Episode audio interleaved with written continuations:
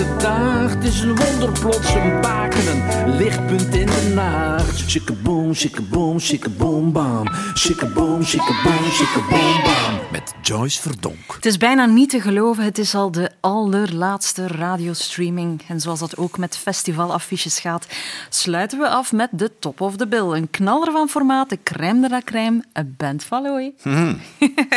Welkom. Hallo. Headliner van radiostreaming. Nou, Maar de gillende tienermeisjes op de eerste rij die ontbreken wel. ja, die zijn allemaal thuis met corona. Mis je ze? Eh, Het live publiek? ja, zij eigenlijk wel, eigenlijk wel. Ik heb dit, dit jaar maar één echt optreden gegeven. Eentje. Eentje. Waar was ja. het? Dat was één Rondse. Och, Ja. ja. En daar hadden ze de zaal uitgespreid over het hele gebouw, dus mensen zaten heel ver uit elkaar.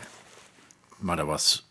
Dichter bij een echt optreden ben ik niet gekomen dit jaar. Ja. Ja, dus het wordt tijd dat, Ja. dat het weer allemaal Oh, in, ja, of in niet, want, want het, ja. het ligt al zo... Het lijkt al zo lang geleden dat ik, het, dat ik het nog gedaan heb, dat het echt een ander leven lijkt. Ja, maar het is zoals fietsen, denk ik. Hè? Je verleert dat niet. dat is waar. Dat is Nee, waar. En het, ik vond het ongelooflijk van terug te spelen, die ene keer. Ja. Ja, ja, dromen van meer. Maar Ja. goed, kijk, ik heb weer een, eh, een spervuur aan vragen klaarstaan. Misschien ga ik zelf nog voor uh, Gillen Tienermeisjes spelen. Doe het. All right.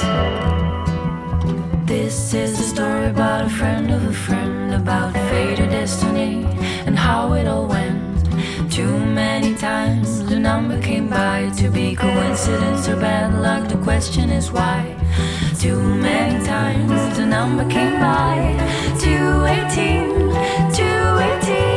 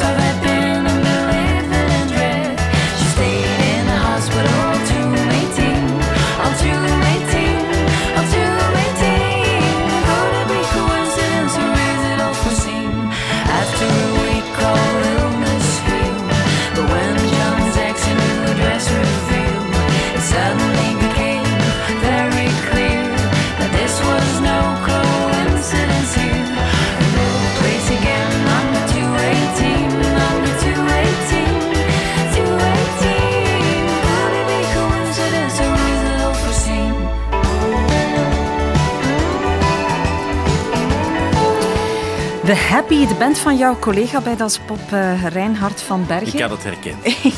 Laat me maar meteen dan de eh Das Pop-vraag stellen, dan ben je daar vanaf.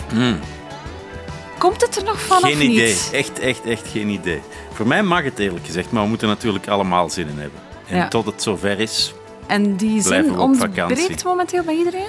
Goh, ik weet het niet. Ja. Ik denk dat iedereen ook met andere dingen bezig is. En, en eh, ik, ik ben er klaar voor. Ja. Ja. Toch iemand, Ja. toch iemand. Zeg over eh, die, die live optredens van daarnet. Eh, je hebt er echt zin in. Ja. Ga je een, eh, een vaccin laten zetten? Zeker, ja, ja. Ja. ja. ja. Ja.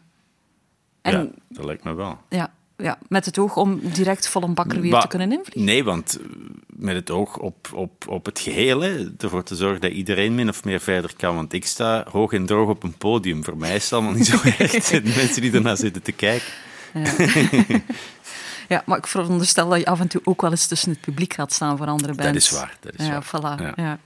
Ehm, nu, eh, even over jouw podcastervaring. Je hebt ook je eigen Hmm. Ja. podcast, hè? Ja, tijdens de eerste lockdown was ik zo geïsoleerd geraakt eh, dat ik dacht van, weet je wat, ik ga gewoon mensen die ik waardeer en bewonder opbellen vanuit mijn atelier. Pyjama Talks. Ja, ja, Leuke titel. ja dat was heel leuk. En, Echt en in je pyjama? Ja, nee, mijn, mijn atelier heb ik wel gewoon. Heb ik eigenlijk mijn schilderpak aan. Ja. Eh, maar dat was, dat was eigenlijk een, een, een soort godsgeschenk om, om toch van ideeën te kunnen wisselen op dat ogenblik. Ja. En wie waren de, de gasten dan? Goh, ik heb gepraat met Lise Spit, die toen eh, nog volop aan haar tweede boek bezig was. Dat komt nu deze week uit. Eh, Michael Bormans heb ik gepraat. Met Tiga uit Canada, een van mijn goede vrienden. Die ik dan ook al maanden niet meer had gezien. Dus een soort hele rare mix van, eh, van mensen. Ja. Ja, het was Mensen beetje online bellen. aperitieven met, met bekendheden dan. Ja, ja en, toch, en toch proberen om, om, om ehm, eh, antwoorden te vinden op de vragen van deze tijd. Hè. Van, van als creatief mens in isolatie, hoe, ga- hoe, hoe gaat dat? En, En? iedereen gaat er anders mee om. Ja. En wat was de tip? Goh, eh, er was niet één tip, er waren er heel veel. Ja. Zoals? Ehm, zoals eh, veel wandeltips wel. Veel mensen gingen wandelen om op ideeën te komen en toch niet gek te worden. Ja, en dat is wel iets wat ik iedereen ook kan aanraden. Je hebt het ook gedaan. Ja, zeker. Ja, ja, ja. Ja. In Antwerpen dan? Of In Antwerpen. Antwerpen ik, was, ik was altijd gewend om, om veel te wandelen in Parijs, waar ik tien jaar gewoond heb. En daar zijn eigenlijk mijn soloplaten ook geschreven op die wandelingen. En toen ik naar Antwerpen verhuisde, probeerde ik dat daar ook te doen. Maar dat ging niet, omdat Antwerpen toch te, te klein is. Ik ben te snel aan de rand, ik te snel ophouden. Dus als, als ik nu eh, wil gaan schrijfwandelen, zeg maar, dan ga ik terug naar Parijs. Ja. Ja. En dat werkt dan ook altijd. Ja, maar er komt een nieuwe wandel- en fietsersbrug hè, in Antwerpen, heb ik begrepen. Dat is waar, maar heel tijd op en neer, dat is ook maar niks. Maar dat is waar, ik kan dan wel verder gaan. Ja. Ja. Tot hier, hè, tot in Slijdingen Ja. misschien. En dan eh, de bus terug. Wat vind je het fijnst? Zelf de vragen stellen of toch de gast zijn? Ehm, geen voorkeur. Het, het, het zijn uiteindelijk gesprekken. Hè. Eh, het is ook, die podcast die ik dit, wa- wa- waren ook echt gesprekken. Dat was ook niet in, klassieke interviews. Ik ben, ik ben natuurlijk wel meer gewend van te antwoorden op vragen dan ze te stellen. Maar, maar ik hou van allebei. Ja. Ja. Ik vind jou, als ik zo eerlijk mag zijn, Mhm. van de tien gasten die ik over de vloer heb gehad, niet de makkelijkste. Omdat je zo een heel breed gamma hebt Ja. van mogelijkheden, van vragen die je kan stellen. Ja. Want je doet ook zoveel. Dat is waar.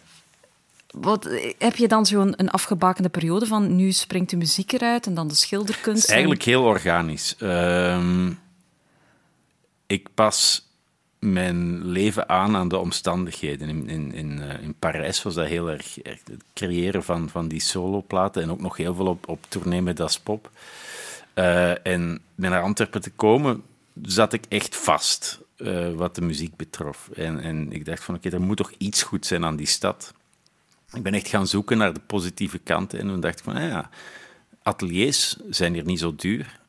Ik heb al 15 jaar niet meer geschilderd. Ik heb mezelf altijd beloofd van daar op een gegeven moment terug mee te beginnen. Misschien is dat moment nu wel. En toen heb ik van de ene dag op de andere een atelier gehuurd. Ben ik naar de verfwinkel geweest, een paar doeken, een paar tubes gehaald. En ben ik terug begonnen. En, en dat is sindsdien nog steeds het verhaal. Ja, je hebt Ja. intussen ook al eh, je eerste Ja. solo-tentoonstelling achter de rug. Hè? Ja, Is dat dan met een klein hartje? Zeker. Eh, ja, ja. Dat, dat is ook leuk, hè, van, van te debuteren, altijd weer.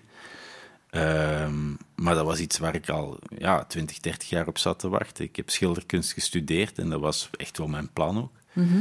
En eh, om dan nu, in 2020, de eerste keer solo tentoonstellen, ja, dat was wel bijzonder. Ja, Ja. En komt er nog één? tuurlijk. En je, bent, je blijft ja, ja, ja. schilderen Ja, intussen. Ja, ja, ja. Ja, oké. iedere dag. Dat is, dat is mijn werk.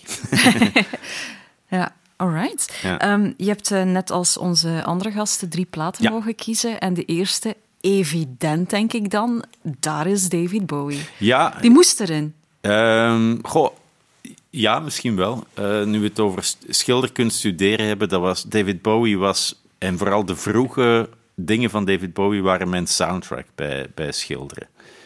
Hij heeft, heeft voor Changes en eh, Space Oddity heeft hij ook nog een soort novelty plaat gemaakt waar hij over de Laughing Gnome zong, de lachende kabouter. Hele, hele rare, niet zo hele goede liedjes. Maar ik vond de sfeer van die plaat heel goed. Van iemand die echt wil en die probeert door de muur heen te breken en, en alles probeert, van cabaret tot lachende kabouters. Eh, dat herkende ik heel erg in, op, op die leeftijd, van alles te proberen om een weg te vinden. En ehm, ja, Changes is, is eh, een nummer dat zich, zich echt vastgehaakt heeft in mij. en, en de akkoorden daarvan vond ik zo geweldig. Ik, ik heb die ook ten dele toen gebruikt in de eerste single van Das Pop, A Different Beat. Daar zit zeker eh, de akkoordensequentie in. Eh, heel goed verstopt. Eh, maar dat, ja, dat is geniaal. Hè? Ja. Ja. Je hebt ook nog een, een rolletje gekregen in eh, de, de David Bowie-film van ja, de van broeders Stefan en. David. Ja. Heb je nooit spijt van gehad dat je zelf niet de rol van David, David Bowie mogen spelen hebt? Nee. Ja, je bent toch een beetje de Vlaamse Och, dat weet ik niet, dat weet ik niet. Maar, maar ik, ik, ik- sommige jeugdfo of sommige foto's uit mijn twintiger jaar lijk ik op eh, Bowie in zijn twintiger jaar. Ja. Dat is waar. Maar je zegt resoluut nee. Goh, nee, dat, Hannelore heeft dat toen gedaan. En dat vond ik veel interessanter, van een vrouw dat te laten doen. Ja, Ja. Enig idee of Bowie die film ooit zou ja gezien hebben? naar schijnt wel. Echt? Ja, ik heb gehoord van wel. En hij was eh, geflatteerd. Ja, Ola, Ja, dus heeft jou ook al gezien. stel je voor. Goed, Changes.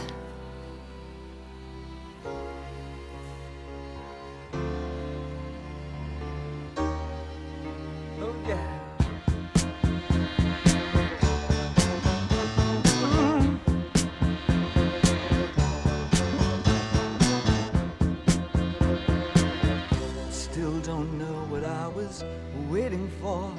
And my time was running wild, a million dead end streets. And every time I thought I'd got it made, it seemed the taste was not so sweet. So I turned myself to face me. But I've never caught a glimpse of how the others must see the faker. I'm much too fast to take that test. Changes. Turn and face the strain. Changes. Don't wanna be a richer man.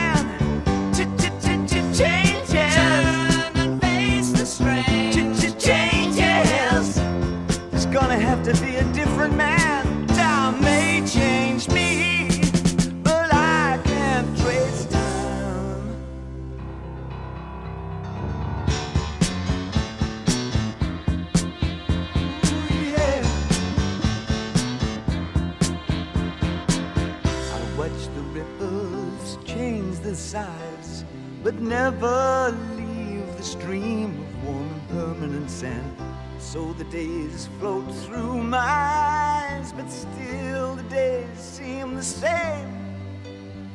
And these children that you spit on as they try to change their worlds are immune to your consultations. They're quite aware of what they're going through. Changes. And face the strange. Changes. Don't tell them to grow up out of it.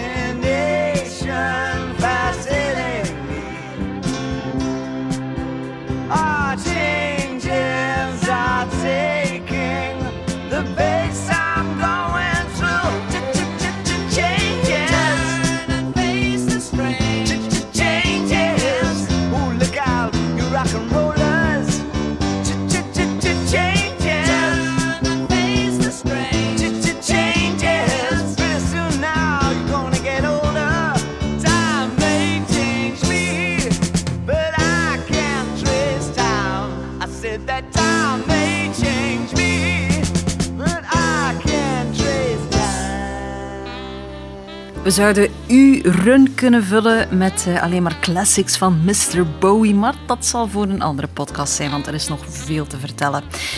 De meeste cultuurhuizen mogen dan wel uh, dicht zijn door de semi-lockdown. Eén cultuurpaleis blijft wel open deur houden en dat is de bibliotheek. Waarmee meteen het belang van kunnen lezen wordt onderstreept. En volgend jaar, op 7 maart, viert de bibliotheek van Evergem zijn 40ste verjaardag. En daarom hebben we een schrijfster aan onze tafel uitgenodigd, Kathleen Verreken. Hoe blij was jij dat de bibliotheken open mochten blijven? heel blij, denk ik, zoals de meeste uh, schrijvers. Uh, al is het natuurlijk voor ons een klein beetje met een dubbel gevoel. Het is fantastisch voor het publiek en voor de leesbevordering en het uh, ja, op die manier toch in contact kunnen blijven met, met lezerspubliek. Um, maar de lezingen die normaal gezien in het voorjaar in dikke pakken gepland staan, zijn allemaal geannuleerd, zijn allemaal weggevallen. Uh, maar ja, we hebben goede hoop hè, dat het uh, volgend voorjaar wel weer lukt. Ja, want er zijn uh, redelijk wat lezingen van jou gepland hè, in Evergem. In Evergem zijn er nu acht gepland. En eigenlijk klinkt een beetje ironisch. Dankzij corona zijn het er acht geworden, omdat er maar één klas per keer naar een lezing mag komen. Normaal ah, worden ja. groepen gemengd. Maar omdat dat, dan te veel bubbels bij elkaar ja. zijn, is dat nu uh, opgesplitst. En is dat leuk, dat direct contact met lezers? Ja, ik vind dat wel. Uh, de ene groep is de andere niet. Um, maar uh, doorgaans, je, je, moet ze altijd een beetje veroveren. Je moet je altijd een beetje verleiden. Zeker als het tieners zijn. Hè? Omdat die daar... Ja, er altijd een paar die zo op de achterste rij gaan zitten. Zo ver mogelijk. Met een jas aan. En, zo en stiekem op de gsm?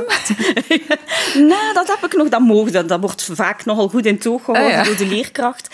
Um, maar ik, maak, ik stel mij altijd tot doel om de meest onwillige toch nog allee, binnen te halen. En uh, ik, ik vind de lezing geslaagd op het moment dat ik zie dat daar toch ook iets in die ogen begint te twinkelen. Uh, en ja, ik, ik, uh, ik, ik, vind dat heel fijn. Ja. Um, hoe kan jij als, want je schrijft voornamelijk dan jeugdboeken, hoe kan jij concurreren met TikTok en Netflix? Goh, ik bekijk dat niet als, als concurrentie. Um, ik maak mij ook niet de illusie dat, dat ik iedereen aan het lezen krijg. Um, en misschien hoeft dat ook niet. Um, maar er zijn altijd jongeren die, uh, of volwassenen, het maakt niet uit, uh, mensen van elke leeftijd, die blijven teruggrijpen naar een boek. En ik denk als je als je gefrustreerd gaat beginnen rondlopen door het enorme succes van TikTok en, en, en al dat soort dingen, ja, dan, dan schrijf je niet meer. Ik wil, ik wil mijn energie niet besteden aan, aan, aan, aan dat soort negatieve dingen. Alleen negatief, ik vind, ik vind dat op zich niks negatiefs. Um, dat is een medium dat volledig zijn bestaansrecht heeft en waar blijkbaar heel veel mensen, en met name jongeren, iets aan hebben. Um, maar ik steek mijn energie liever in iets ja. constructiefs, iets ja. dat ik graag doe, in schrijven zelf. Je steekt je energie in, uh, in serieuze thema's. Hè? Voor de jeugdboeken gaat dat bijvoorbeeld over de Eerste Wereldoorlog in Yper. Voor volwassenen, daar heb je ook boeken voor geschreven. Mm -hmm. Over het leven van minnaressen, over uh, vrouwen die een kind afstaan ter adoptie. Het is wel stevig kost, hè, allemaal? Ja, um, maar die, die twee die je nu noemt, dat zijn boeken die ik in opdracht geschreven heb. Uh, op vraag van iemand die zei van, uh, zeker in het geval van uh, vrouwen die een kind afstaan voor adoptie, dat was naar aanleiding van um, een van mijn historische jeugdromans over de fictieve zoon van Jean-Jacques Rousseau, die dan wel zelf onder andere Émile ou de l'Éducation geschreven heeft, een boek over hoe hij de ideale opvoeding um, zag, maar zelf zijn vijf kinderen heeft weggegeven uh, achtergelaten in een vondelingen tehuis.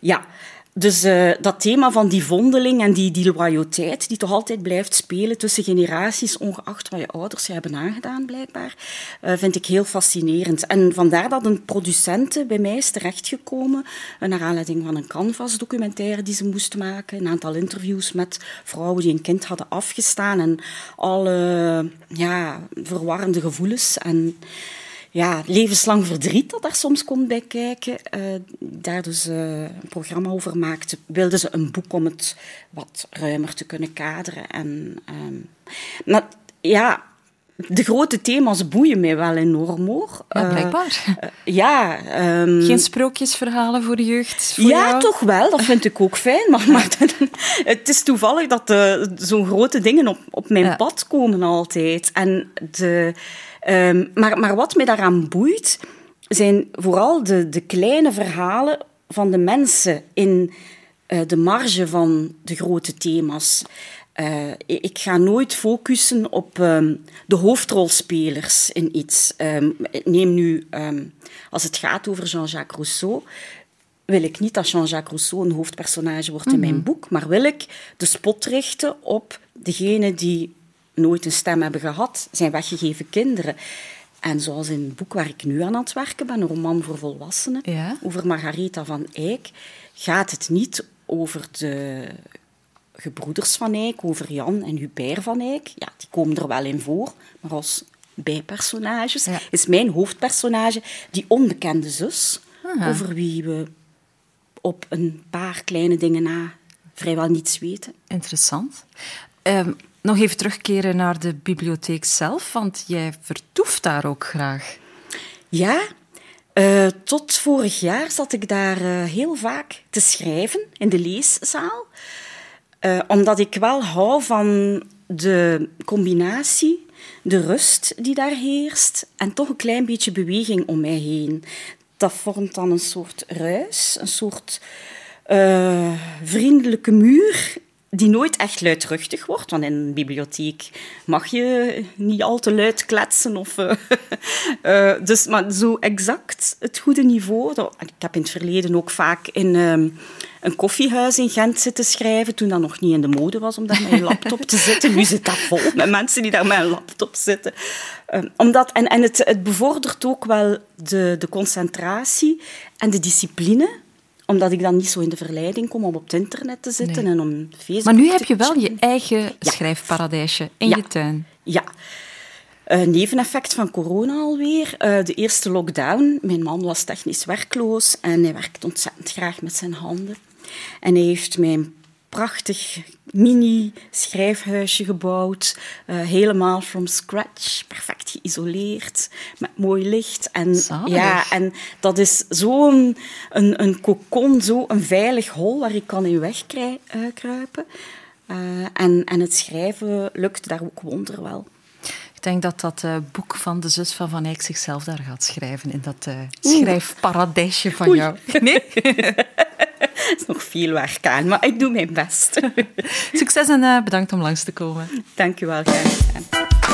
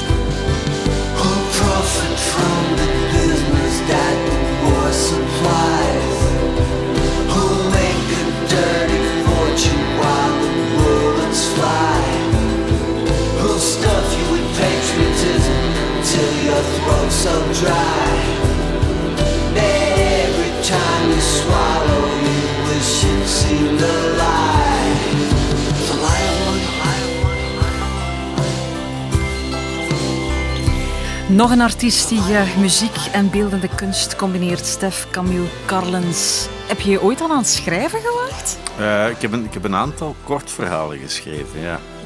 Waarvoor? Eh, voor Das Magazine, een literair magazine uit Amsterdam, dat nu niet meer bestaat.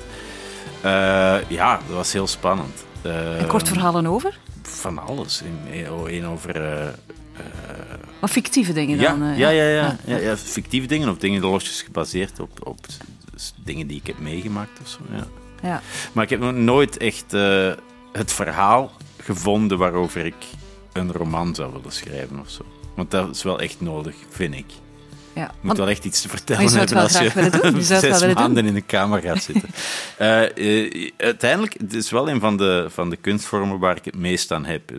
Lezen is voor mij een van de beste dingen die er zijn. En ik heb heel veel respect voor schrijvers. Eh, dat is wel een van de allerhoogste dingen.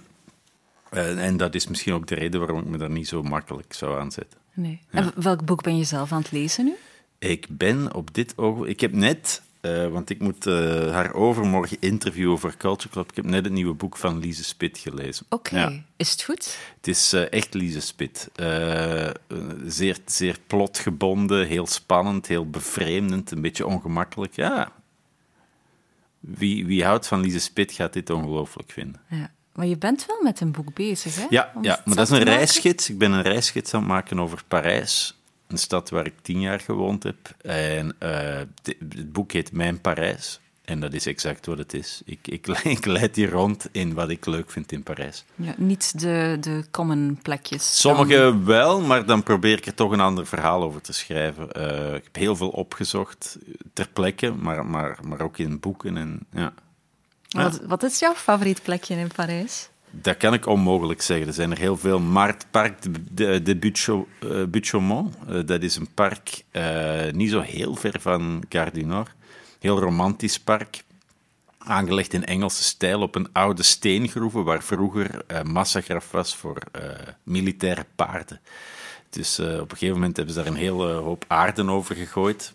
En, en een, een soort Griekse tempel, ook op een neprots gebouwd. Het is een fantastisch park. Ja. Oké, nog niet geweest. Hmm. En maak je zelf ook de foto's voor het boek? Nee, nee, ik had gevraagd aan een vriend, Rob Walbers, die ken ik uit Tokio, waar hij woont. En daar, als ik daar ga spelen, dan, dan maakt hij altijd foto's van mij in Tokio, ook van een heel leuke dynamiek.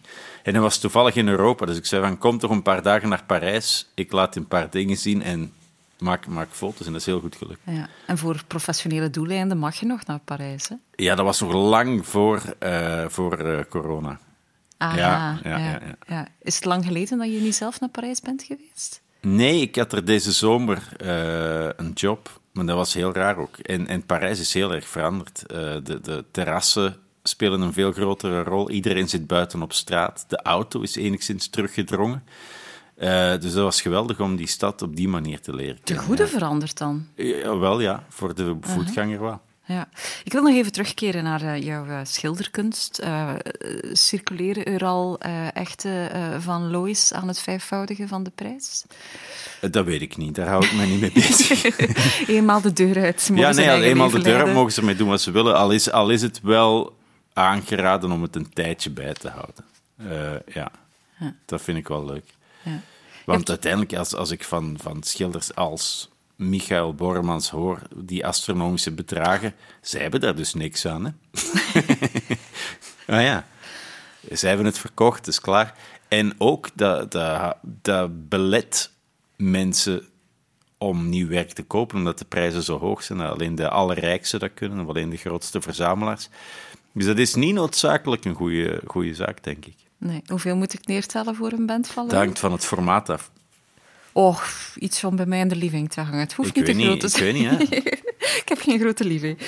Eh, nee, het hangt echt van het Nee, je, formaat hoeft, af. je, hoeft het niet, je hoeft het niet te zeggen. Ze. Zijn er eigenlijk veel muzikanten die schilderen? Wel, eh, ja, en omgekeerd ook veel eh, schilders die muziek willen spelen. Dat is iets dat heel erg samenhangt.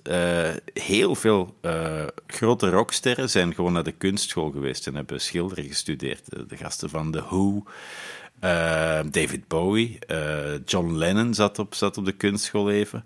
Eh, en, en, en dat is iets dat ja, een studierichting is voor mensen die iets willen maken en die dan later hun medium vinden in rock and roll. En, hangt, en dat, dat evenwicht, is dat dan eentje tussen, constant tussen muziek en lawaai zitten en de andere kant de rust Ik denk dat niet. Ik denk dat dat gewoon een drang is om dingen op de wereld te zetten. En de kunstschool is misschien voor veel ouders nog acceptabeler dan, eh, dan gewoon ergens in een vieze club te gaan eh raggen heel de dag. Dus ik denk dat het dat ook is. Ja, nogthans, eh, het verhaal van Van Gogh is misschien voor ouders ook niet aanmoedigend hè, om eh, kinderen Nee. die richting uit te Nee, sturen. nee, nee, dat is waar. Maar heeft, eh, de geschiedenis heeft hem wel gelijk gegeven. Ja, dat is waar. Ehm, je hebt ehm, lang geleden wel al iets getekend of geschilderd. Hè? De goeds van het album Eindelijk Vakantie van Gorky. Ja, dat is een werk van op school. Dat is een, van, van op Sint-Lucas. Ja. Ja. En hoe, hoe is die connectie er dan gekomen?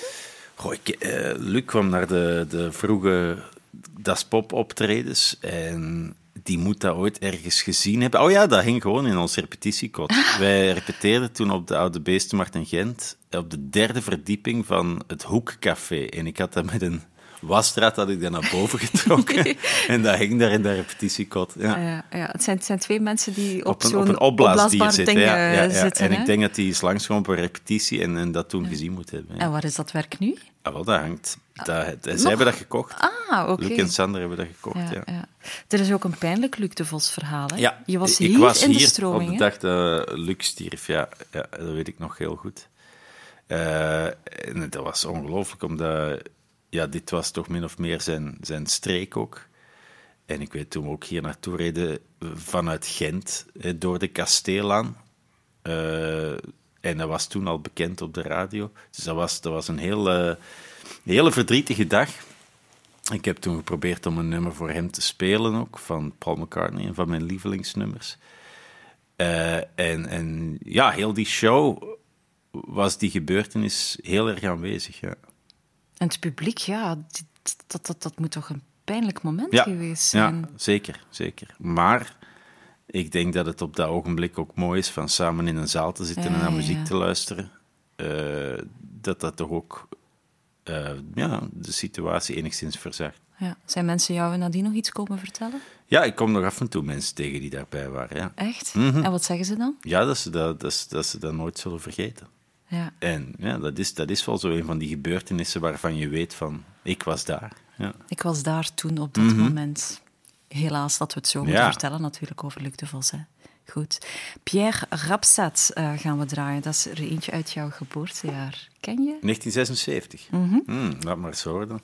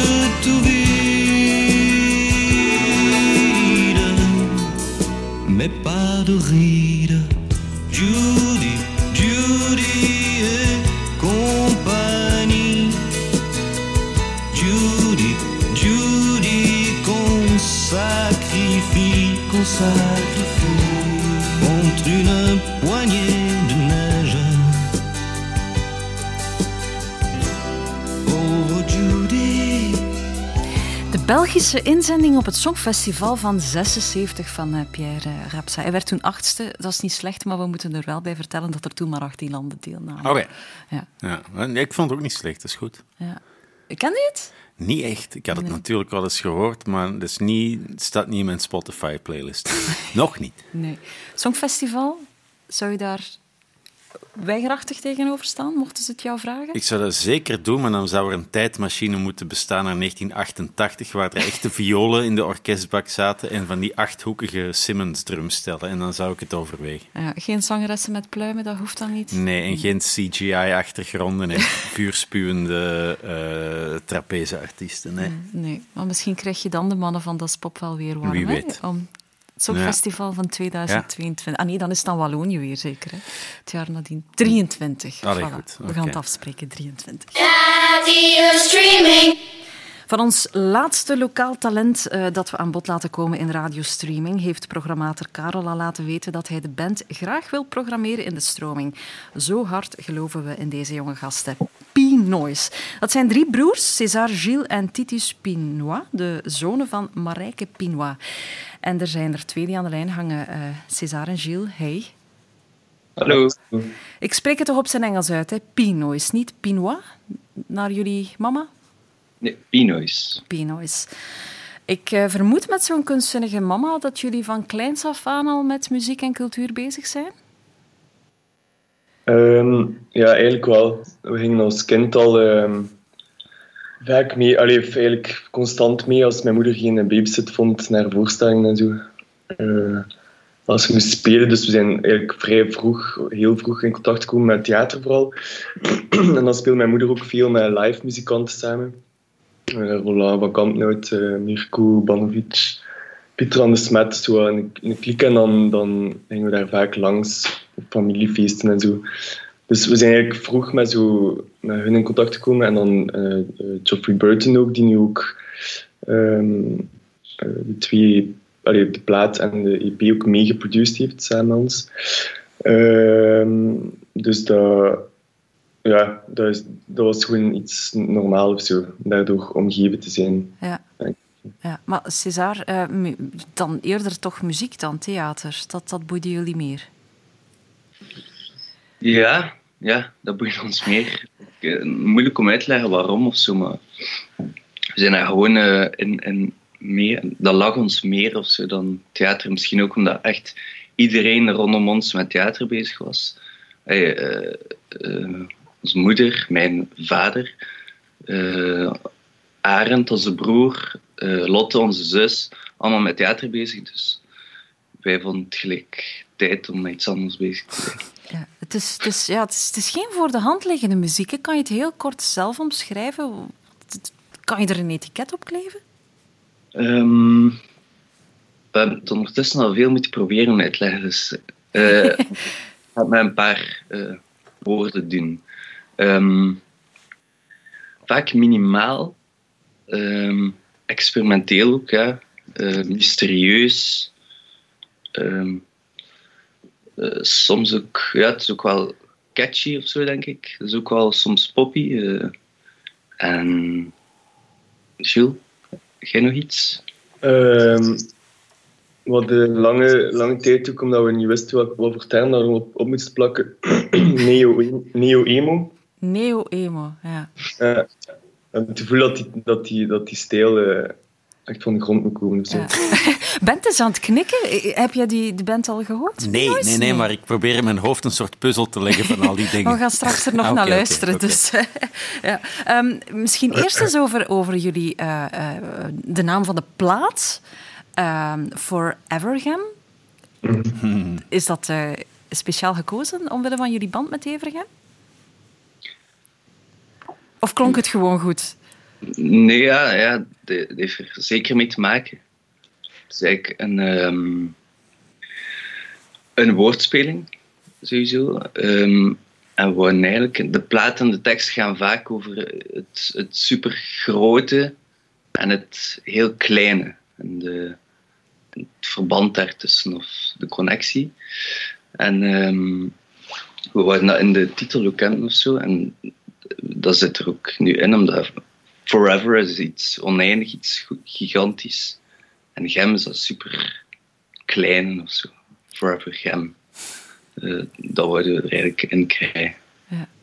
En Evergem is voor jullie ook waarschijnlijk net iets te klein, want jullie zijn intussen verhuisd, hè? Ik zit um, in Evergem, ik. Ah, toch? Toch nog? Ah, ik dacht dat jullie allemaal uh, gaan uitvliegen waren, maar dat is nog niet het geval, dus... Ja, nee, ik woon in Brussel, maar uh, mijn, uh, de twee andere broers wonen nog in Evergem. Ja.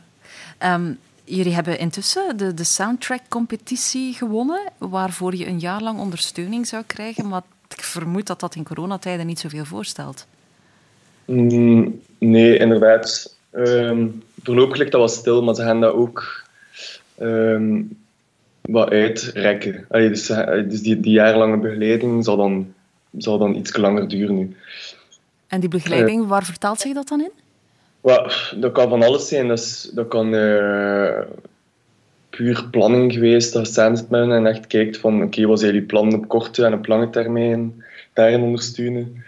We hebben ook uh, uh, een beetje financiële steun gehad om, ons plaat op te nemen. Ah, ja, onze EP afgelopen zomer. een beetje van alles. Dat zijn de mensen van Vibe, dus dat is zo, sowieso weet die wel over veel dingen iets. Dus je kunt altijd wel um, uh, samen zitten met hen om, om zo raad te krijgen over whatever eigenlijk. Maakt niet uit. Ja. Dus het is eigenlijk heel persoonlijk. Per, per artiest is het, uh, kijk eens naar wat je nodig hebt op dit moment of zo. Ja. Nu, corona tout court, ik denk dat dat heel slecht qua timing viel. Als je net een nieuwe plaat gereleased hebt, valt die verkoop dan helemaal stil? Um, ja, redelijk wel bij ons eigenlijk omdat we, ja, ik denk dat dat bij de meeste bands tegenwoordig is, dat het meest verkoopt uh, op optredens. En nu valt het allemaal weg en dat is gewoon een beetje een, uh, ja, ramp voor ons. We hebben vrij veel niet verkocht. En hebben jullie het gevoel dat het momentum van die plaat ook, ook eigenlijk een beetje weg is dan? Maar ja, wat is momentum? Ja, um, ja, ik weet niet, als je een plaat uitbrengt, dan, dan speel je een paar dingen toch, ja, ja. of doe je een paar interviews, en dan, dan leeft die plaat, tegenwoordig is dat niet meer zo lang, maar dan leeft die toch anderhalve week in de openbaarheid. Ja, ja. Maar, ja nee, inderdaad. We hebben de chance dat we nog één optreden juist voor de lockdown hebben kunnen doen in de Handelsbeurs, Hmm. ons releaseconcert. En um, dus dat was, ja, dat was vrij wijs. Maar um, ja, al de rest is natuurlijk weg wel. En in die zin is dat momentum inderdaad weg. Ja. Maar, dus, gebruiken jullie dus, deze tijd dan vooral om nieuwe dingen te maken? Ja, we, we hebben in de eerste lockdown hebben we, uh, dus een nieuwe EP opgenomen. Ja. Um, al direct. En ondertussen hebben we nog eigenlijk genoeg muziek voor een nieuwe plaat of zo. Dus dat is het wel goed.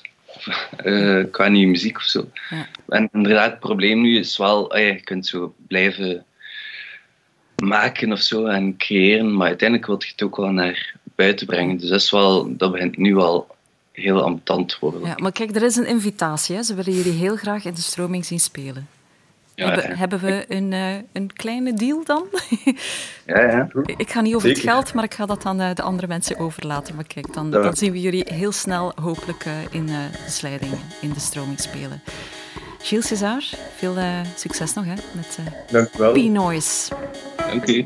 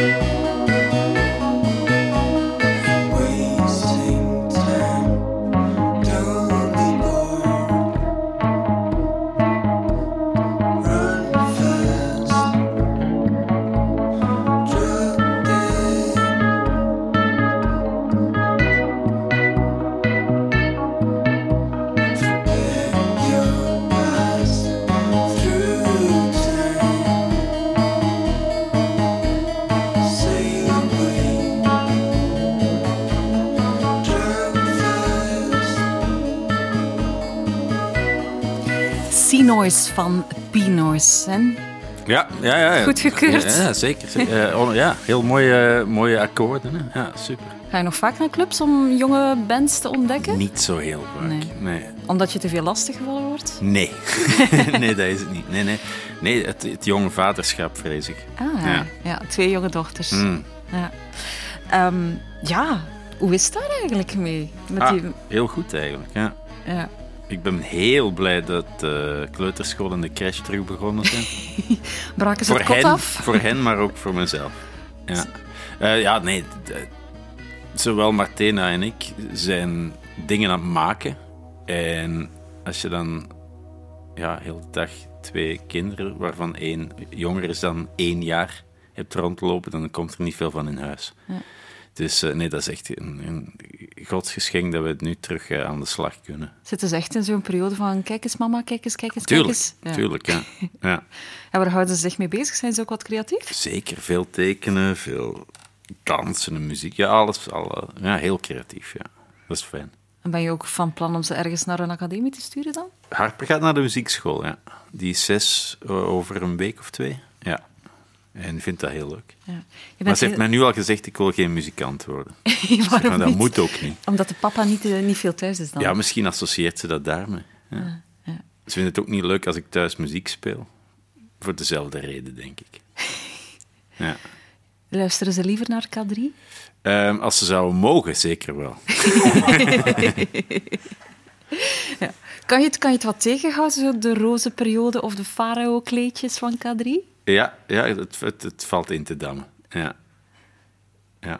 Maar ik moet wel eh, bekennen dat eh, voor haar verjaardag, ik denk niet dat ze gaat luisteren, eh, hebben we voor haar een handgemaakt eh Mega Mindy pak klaar liggen. Oh. Dus dat is ook iets dat ze niet veel ziet, maar waar in haar hoofd een enorm belangrijke rol speelt. En dus, eh, ja, dat is het beste cadeau. Ja, Ja, dan zou ze misschien toch liever Mega Toby als papa hebben. ja waarschijnlijk. Is dat lastig voor jou? Je bent zoveel met mode bezig. Mm. Is dat lastig om te zien dat ze daar dan toch gevoelig voor zijn? Nee, natuurlijk niet. Dat is, dat is ook... Ja, dat is, dat is eh, hun wereld. En, en ik weet niet welke rol Mega Mindy in haar leven speelt. Het is een heel belangrijke rol. En niet omdat ze daar veel naar kijkt, maar puur omdat ze, denk ik, op de speelplaats leeft of zo. En, en ja, dat is, dat is haar Ziggy Stardust dan. Dat pak lijkt er ook min of meer op. Ben je zelf nu nog bezig met kledijontwerpen ook? Nee, nee, ligt nee. dat nee, ligt nee, stil? nee, nee. Ik ben heel veel bezig met kledij, maar ik ontwerp het niet. Nee. Nee. nee. Ehm, je hebt wel al in echte modesteden gewoond, hè? Ja. Parijs, Mhm. Antwerpen. Mhm. Is het ook omwille van de kinderen dat je nu gewoon in Antwerpen blijft? Dat was wel een deel van het verhaal, ja. Omdat Martina en ik zelfstandig zijn. Als er iemand aan het werk was of op tournee was, moest de ander altijd maar thuis blijven. En dat is ook niet houdbaar. Dat was een van de dingen. En ehm, ja, op dit ogenblik klopt het wel. Ik denk, Parijs was geweldig voor tien jaar, maar nu zou het moeilijk, echt moeilijk zijn. En terugkeren naar Gent? Dat is ook moeilijk, ja. Waarom? Ik heb daar 14 jaar gewoond en ik heb het echt uitgewoond. Ik heb iedere vierkante centimeter gebruikt. en, en ik heb nu het gevoel als ik daar kom van ja, dat is een afgesloten hoofdstuk en ik kom daar graag, want ik heb er vrienden en, en er is een deel nostalgie ook. Maar om daar nu echt te wonen, nee, dat heb ik gedaan. Dat hoeft niet nog eens. Nee. Ja. Ik wil nog eh, eh, iets eh, uitlichten waar jouw dochters misschien ook wel heel trots op zijn. Ik, ik ga het eerst laten horen voor Ja. we erover over babbelen. Hallo Beertje. Mary, hallo. De jonge beer heeft hulp nodig, Henry. En wat ben je nu van plan? Ik dacht daar wat te gaan slapen, in die vuilnisbak. En zo hoort het. Voor een nachtje maar. Hebben beren eigenlijk een naam? Mijn naam is... Juist. Probeer maar. Meneer Ja. Brown, dat is zo onbeleefd van u. Je hebt twee keer het, het stemmetje van Beertje Ja. Paddington ingesproken hè, voor twee films. Dat lijkt me de leukste job ter wereld Ja, om te doen. ja, en dat is ook een van de dingen, vreemd genoeg, waar ik het meest trots op ben. Ja, ja. Waarom? Ja, dat was, dat was een heel leuke ervaring, omdat die films zijn ongelooflijk goed. Eh, ja, eh, ik heb het gevoel dat dat goed gelukt is. Ehm, ja, Omdat je zelf ook fan bent van Beertje Pennington? Zeker, zeker. Was ik vroeger al. En, en, en ik, was, ik was heel vereerd toen ze mij vroegen. En het klopte echt 100%. Ja. En hoeveel tekenfilms gekeken ter inspiratie? Eh, nee, nee, vooral de boeken gelezen van vroeger. En, en eigenlijk dan gewoon de studio ingegaan en de film ontdekt terwijl ik hem insprak. Eh, want ik had de film nog nooit gezien. Dat was allemaal ook nog onder embargo en zelfs nog niet helemaal afgewerkt. De, de beelden waren vaak nog heel ha- harkerig en digitaal. En dan, eh, ja, toch, toch ontdek je dat verhaal dan aldoende. Geweldig. Ja, En ik denk dat er ook een derde aankomt. Fantastisch. Ja. Ja.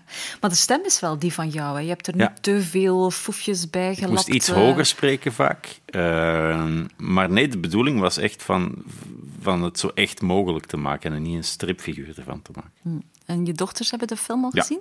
En eh Harper had niet door dat ik het was. nee. Nee. Dat is een mooi compliment Ja, dan toch, hè? ja, ja.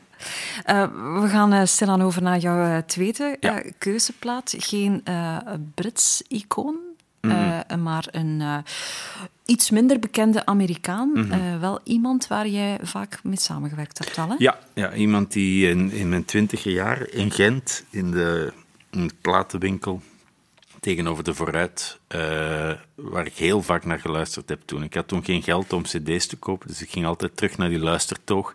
En altijd nam ik deze cd eruit. En ik werd daar enorm door ontroerd. Ik denk dat ik op een gegeven moment net genoeg gespaard had om de cd toch te kopen. Eh, het, het gaat over Jason Faulkner. Eh, inderdaad, iemand uit Los Angeles eh, die ik via Stefan en David van Soulwax heb leren kennen. Hij had toen de strijkers gearrangeerd voor hun tweede plaat. En zij zeiden van, Bent, je moet er eens naar luisteren. Is ook dat- producer, had dat hè? leuk vinden. Ja. Hij is ook producer, ja. Speelt gitaar bij Beck.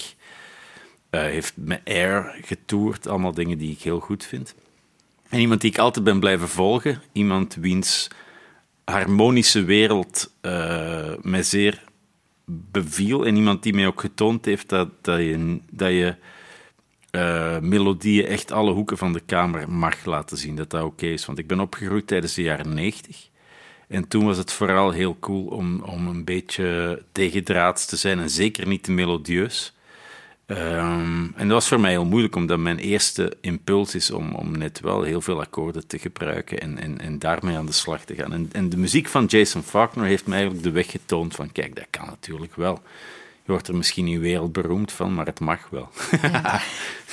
Maar als je dan heel graag gaat, eh, gaat opnemen Ja. in L.A. met hem, ja, dat heb ik dus gedaan. Mijn drie soloplaten ben ik bij hem gaan opnemen. Ja. Ja. nooit overwogen om in Amerika een, een periode te gaan wonen dan? Zeker overwogen. Eh, en als er een goed excuus voor is, zou ik dat alsnog graag doen. Maar nu is het echt het allerslechtste moment om, om daar Ja. te gaan wonen. En ehm, nee, ik, ik, ik, hou, ik hou heel erg van Amerika. Ja. Maar ook het risico natuurlijk, kijk naar Gabriel Rios, dat Ja. je daar dan eh, woont en alleen maar voor zaaltjes van 50 man speelt. Ja, ja, ja, ja. Dat, is, dat is het risico. Ja, ja.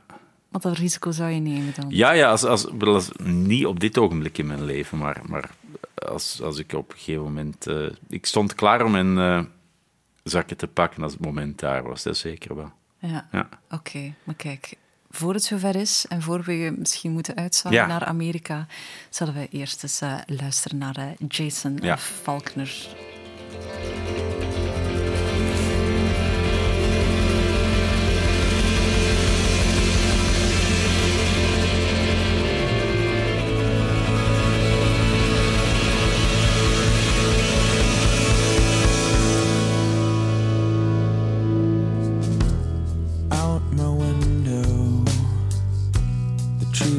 Still and wait for another breeze.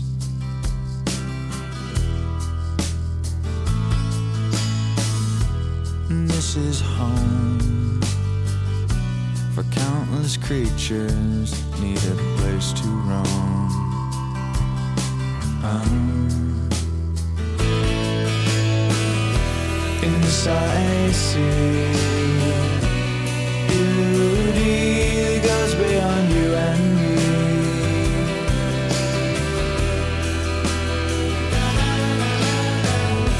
It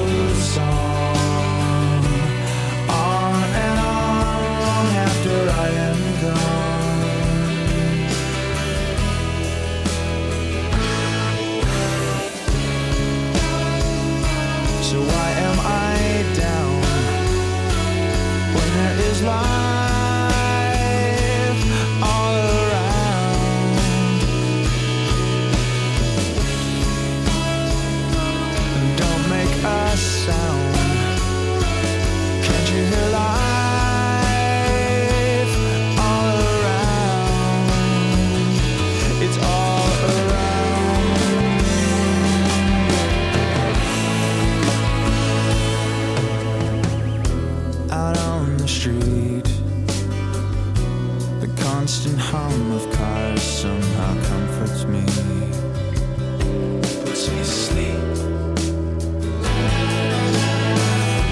It may sound strange, but from the sky we look the same as those ants that you stumbled on. So keep yourself alive. In this I see.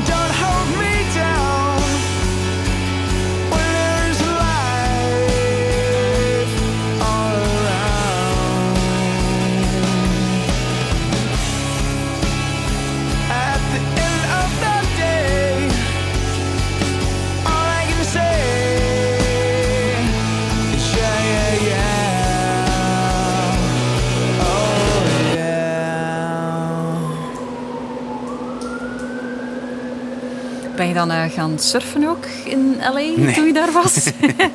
Nee, nee, nee. Ja. Jason Faulkner, Ja. eh, Revelation. Eh, ik heb heel veel leuke nummers ontdekt dankzij tien afleveringen radiostreaming. En we hebben ze allemaal op een Spotify-lijst gezet. De Belgische keuzes die we zelf hebben gemaakt en de verrassende keuzeplaten van de centrale gasten. Je vindt de lijst op Spotify. Gewoon even zoeken op de muziek van radiostreaming. Alle tien afleveringen van radiostreaming zelf met de interviews. Die kan je uiteraard ook nog heel lang herbeluisteren op cultuurcentrumevergem.be.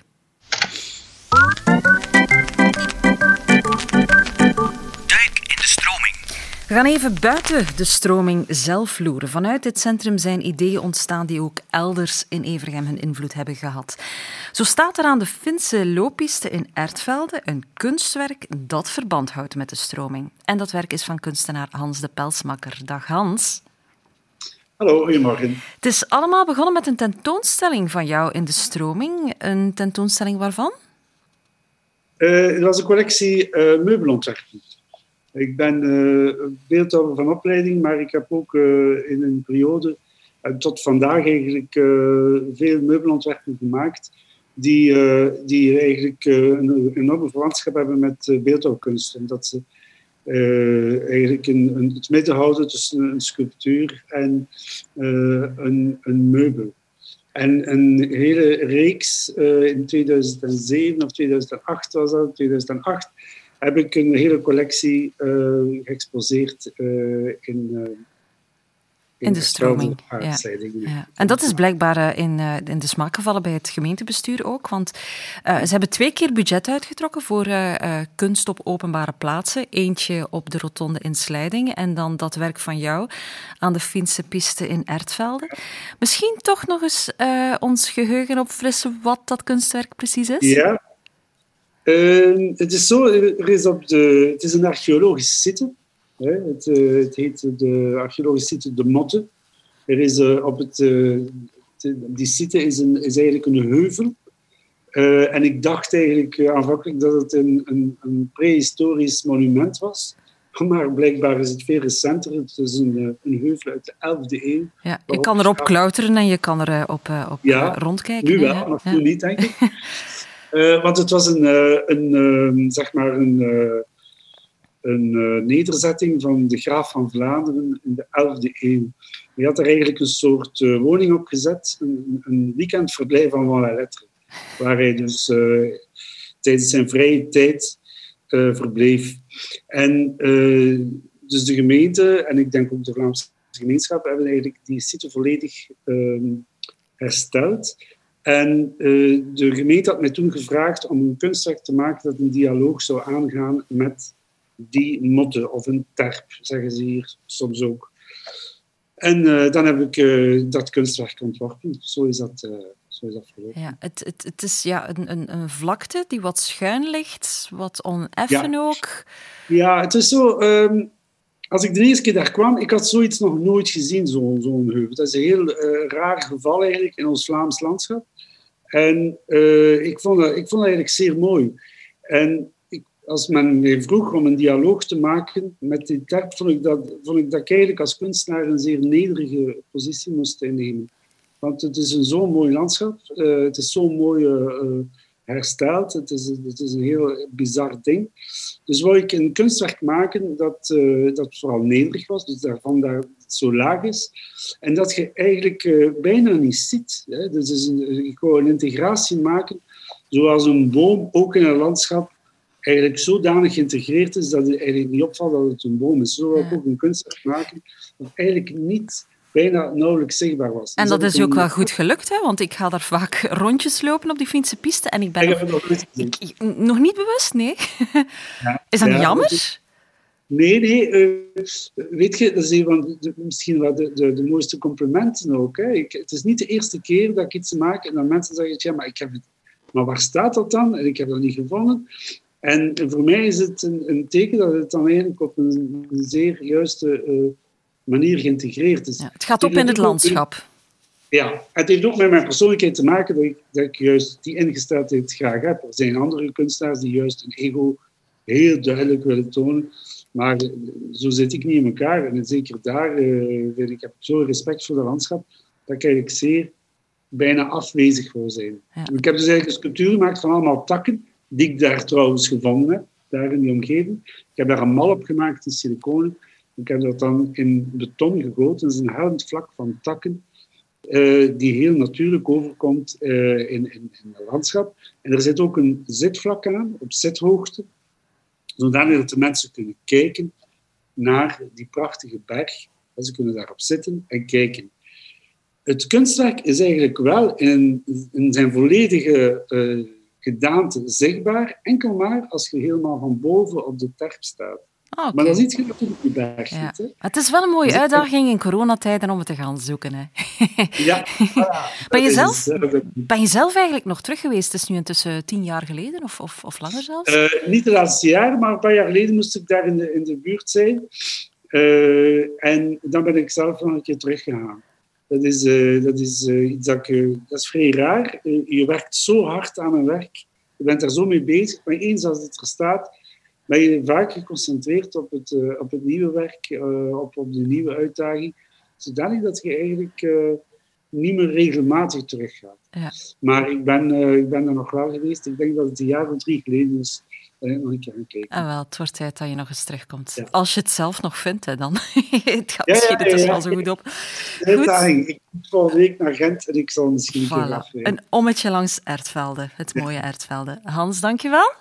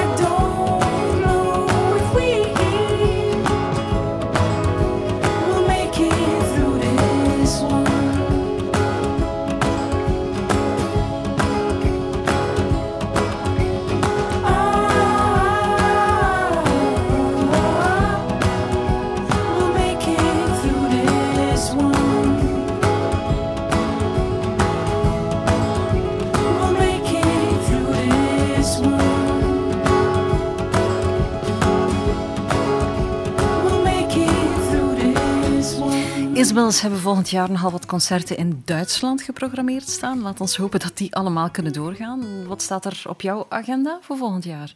Ha. heel weinig, heel weinig. Ja, ik ga misschien een, eh, een tournee doen met een vriend uit eh, Parijs. Eh, die heeft gevraagd of ik wil drummen en tegelijkertijd piano spelen. Dat vind ik nog een interessant idee. In Parijs? In Of Frankrijk, heel, veel in Frankrijk Frankrijk. door. Ja. Maar we zien of dat doorgaat. Ja. Ja. En daarnaast? Eh, schilderen en al dat soort dingen. Ja. Ja, je, je ik, toch... ik, ik, ja, ik- ik heb genoeg om te doen, maar de vraag is, ja, kan ik het laten zien of niet? Ja, iets anders? Je dochter wordt er zes van de band. Ja. Eh, Is dat dan communie-lentefeest volgend Nee, jaar? nee, nee, nee, nee. nee, Doe- nee, nee, doe je niet aan mee? Dat doen we niet aan mee. En de feestdagen, doe je daar aan mee? ja, ja, het is heel belangrijk, ja. ja. Dan gaan we altijd naar Zwitserland, Aha. waar Martina vandaan komt. Ja, Ja, Bij familie. ja.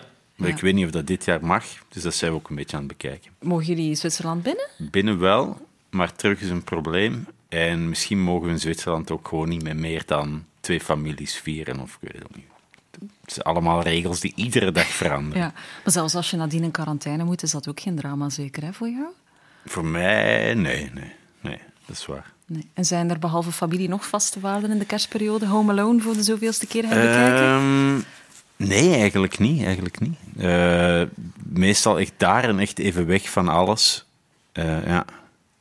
Om dan in januari opnieuw te beginnen. En veel eten? Eh, altijd, ja, toch altijd iets te veel, dat is waar. Als hoop- ik aan Zwitserland denk, dan krijg ik een, een beetje buikpijn. Ja. Ook wel handig om naar daar te gaan, omdat jij dan zelf niet moet koken. Ik moet wel altijd afwassen. En dat doe je dan ook. Ja. Eh, jouw laatste keuzeplaats, eh, dat is een, dat is een oer-Vlaamse klassieker. Nederlands, denk ik. Eh, of Nederlands, ja, ja, ja. Ehm, maar een monument, hè? Ja, een nummer van Ramses Shaffi, we zullen doorgaan. Ramses Shaffi was eigenlijk de enige niet-klassieke plaat die wij vroeger in huis hadden. Dus we luisterden heel veel daarnaar.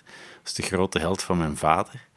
Eh, mijn vader was ehm, zanger en acteur en speelde in musicals. En op een gegeven moment is Ramses Shaffi zijn collega geworden in het Ballet van Vlaanderen. En heeft hij eh, een man van La Mancha gespeeld. Dat was een heel leuk moment, omdat mijn vader ook een beetje zijn gids was in Antwerpen. Hij had daar ook een appartement en, en, en, en wij gingen daar ook wel eens koffie mee drinken en zo. Dat was voor mij ook een, een absolute een reus om, om, om naast te zitten of zo. En, en ik ben nog steeds extreem fan van alles wat hij deed. En hij plaatst zelfs op eh, televisie die reeks gezien. Ze hebben een, een, een reeks gemaakt over zijn leven. En dat is zo goed gespeeld en zo goed gedaan, want ik dacht van ik ga dat na vijf minuten moeten afzetten. Maar dat is echt geniaal. Dat kan ik iedereen aanbevelen. Dit Ramses. eh, en het is denk ik op, op Playmore of zo wel terug te vinden. Maar een ongelooflijke reeks die heel goed die opwindende tijd in Amsterdam, eind jaren 60, begin jaren 70, weergeeft. En Ramses was daar de verpersoonlijking van. Hè. De vrijheid. de, eh, eh, ja, drang om uit te breken, het onorthodoxe. Nou, En heb jij nog als kind op zijn knie gezeten dan? ik was veertien, dus dat was een Ah, beetje, een beetje dat awkward zou- geweest. Dat zou, dat zou een beetje raar Ja. geweest zijn. Hebben we zo gelaten. Ehm, nu, wij zullen doorgaan. Eh, een zeer universele boodschap, hè, van Ja. niet opgeven, Ja, blijven vechten. Voilà, ja, ja, ja. Zeer actueel in En deze tijd. geweldige ook, hè. act- akkoorden, hè. daar gaat het altijd bij mij weer over. Akkoorden. Ja.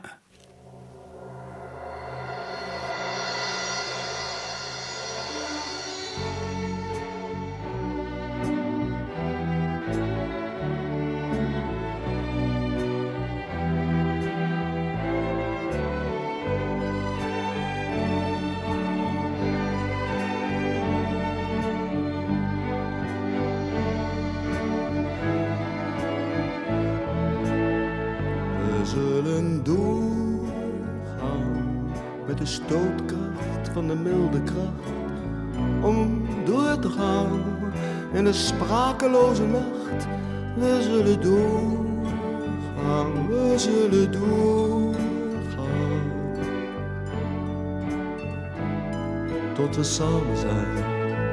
We zullen doorgaan met de wankelende zekerheid om door te gaan in een mateloze tijd. We zullen doorgaan, we zullen doorgaan.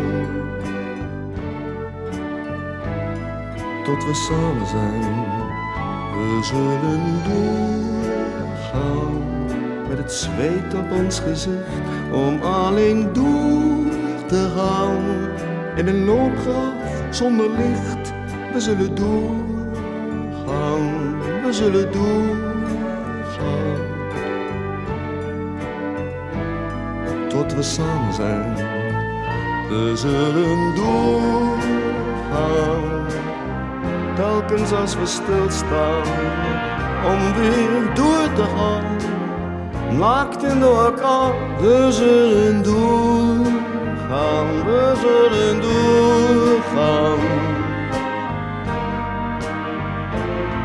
Tot we samen zijn, we zullen doorgaan.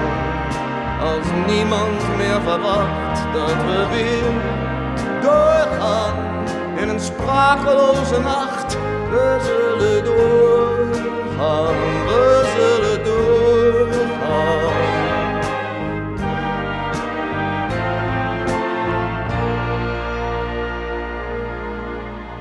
Dat we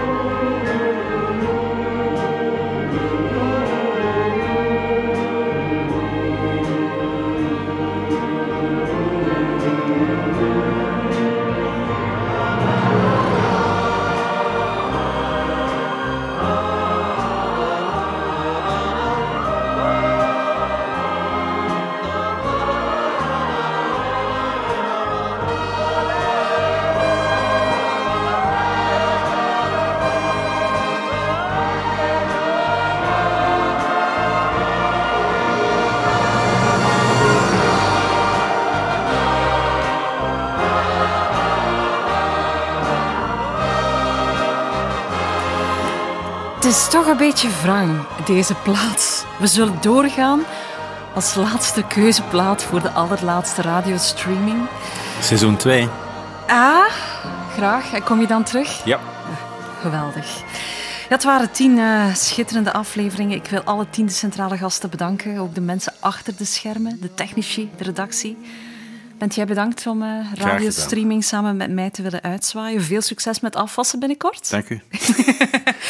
En we zullen inderdaad doorgaan in ons hoofd, in ons hart. Corona haalt ons niet eh, van alle passie weg. Op naar een fantastisch cultureel jaar 2021. En het allerlaatste woord is aan Raf Walschaerts, die het campagnelied van de radiostreaming mocht maken. Bedankt om deel uit te maken van de grote radiostreaming-familie. En tot nog eens.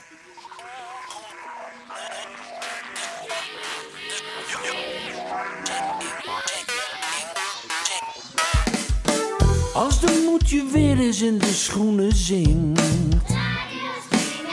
Je gedachten donker duister, zwart als inkt. Je wil weer stemmen horen, de stilte smoren in je hoofd. Stel je voor man, je vindt hier plots de schat die je was beloofd. Radio streaming man, wie had dit ooit gedacht? Is een wonder, plots een baken, een lichtpunt in de nacht. Shikkaboom, shikkaboom, shikkaboom, bam. Shikkaboom, shikkaboom, shikkaboom, bam. Het is een tingelinge bim bam in je linkeroor. Een patsboom, shaker, shaker, bling, bling van een losgeslagen koor. Je kan de dromen horen, ze zoomen zachtjes door je hoofd. Je hebt ze zo gemist, man, die dromen. Je sliep dwaas en verdoofd. Radio streaming, is een wonder, plots een baken, lichtpunt in de nacht. Shikkaboom, shikkaboom, shikkaboom, bam. Shikkaboom, shikkaboom, shikkaboom, bam. Shikkaboom, shikkaboom, shikkaboom,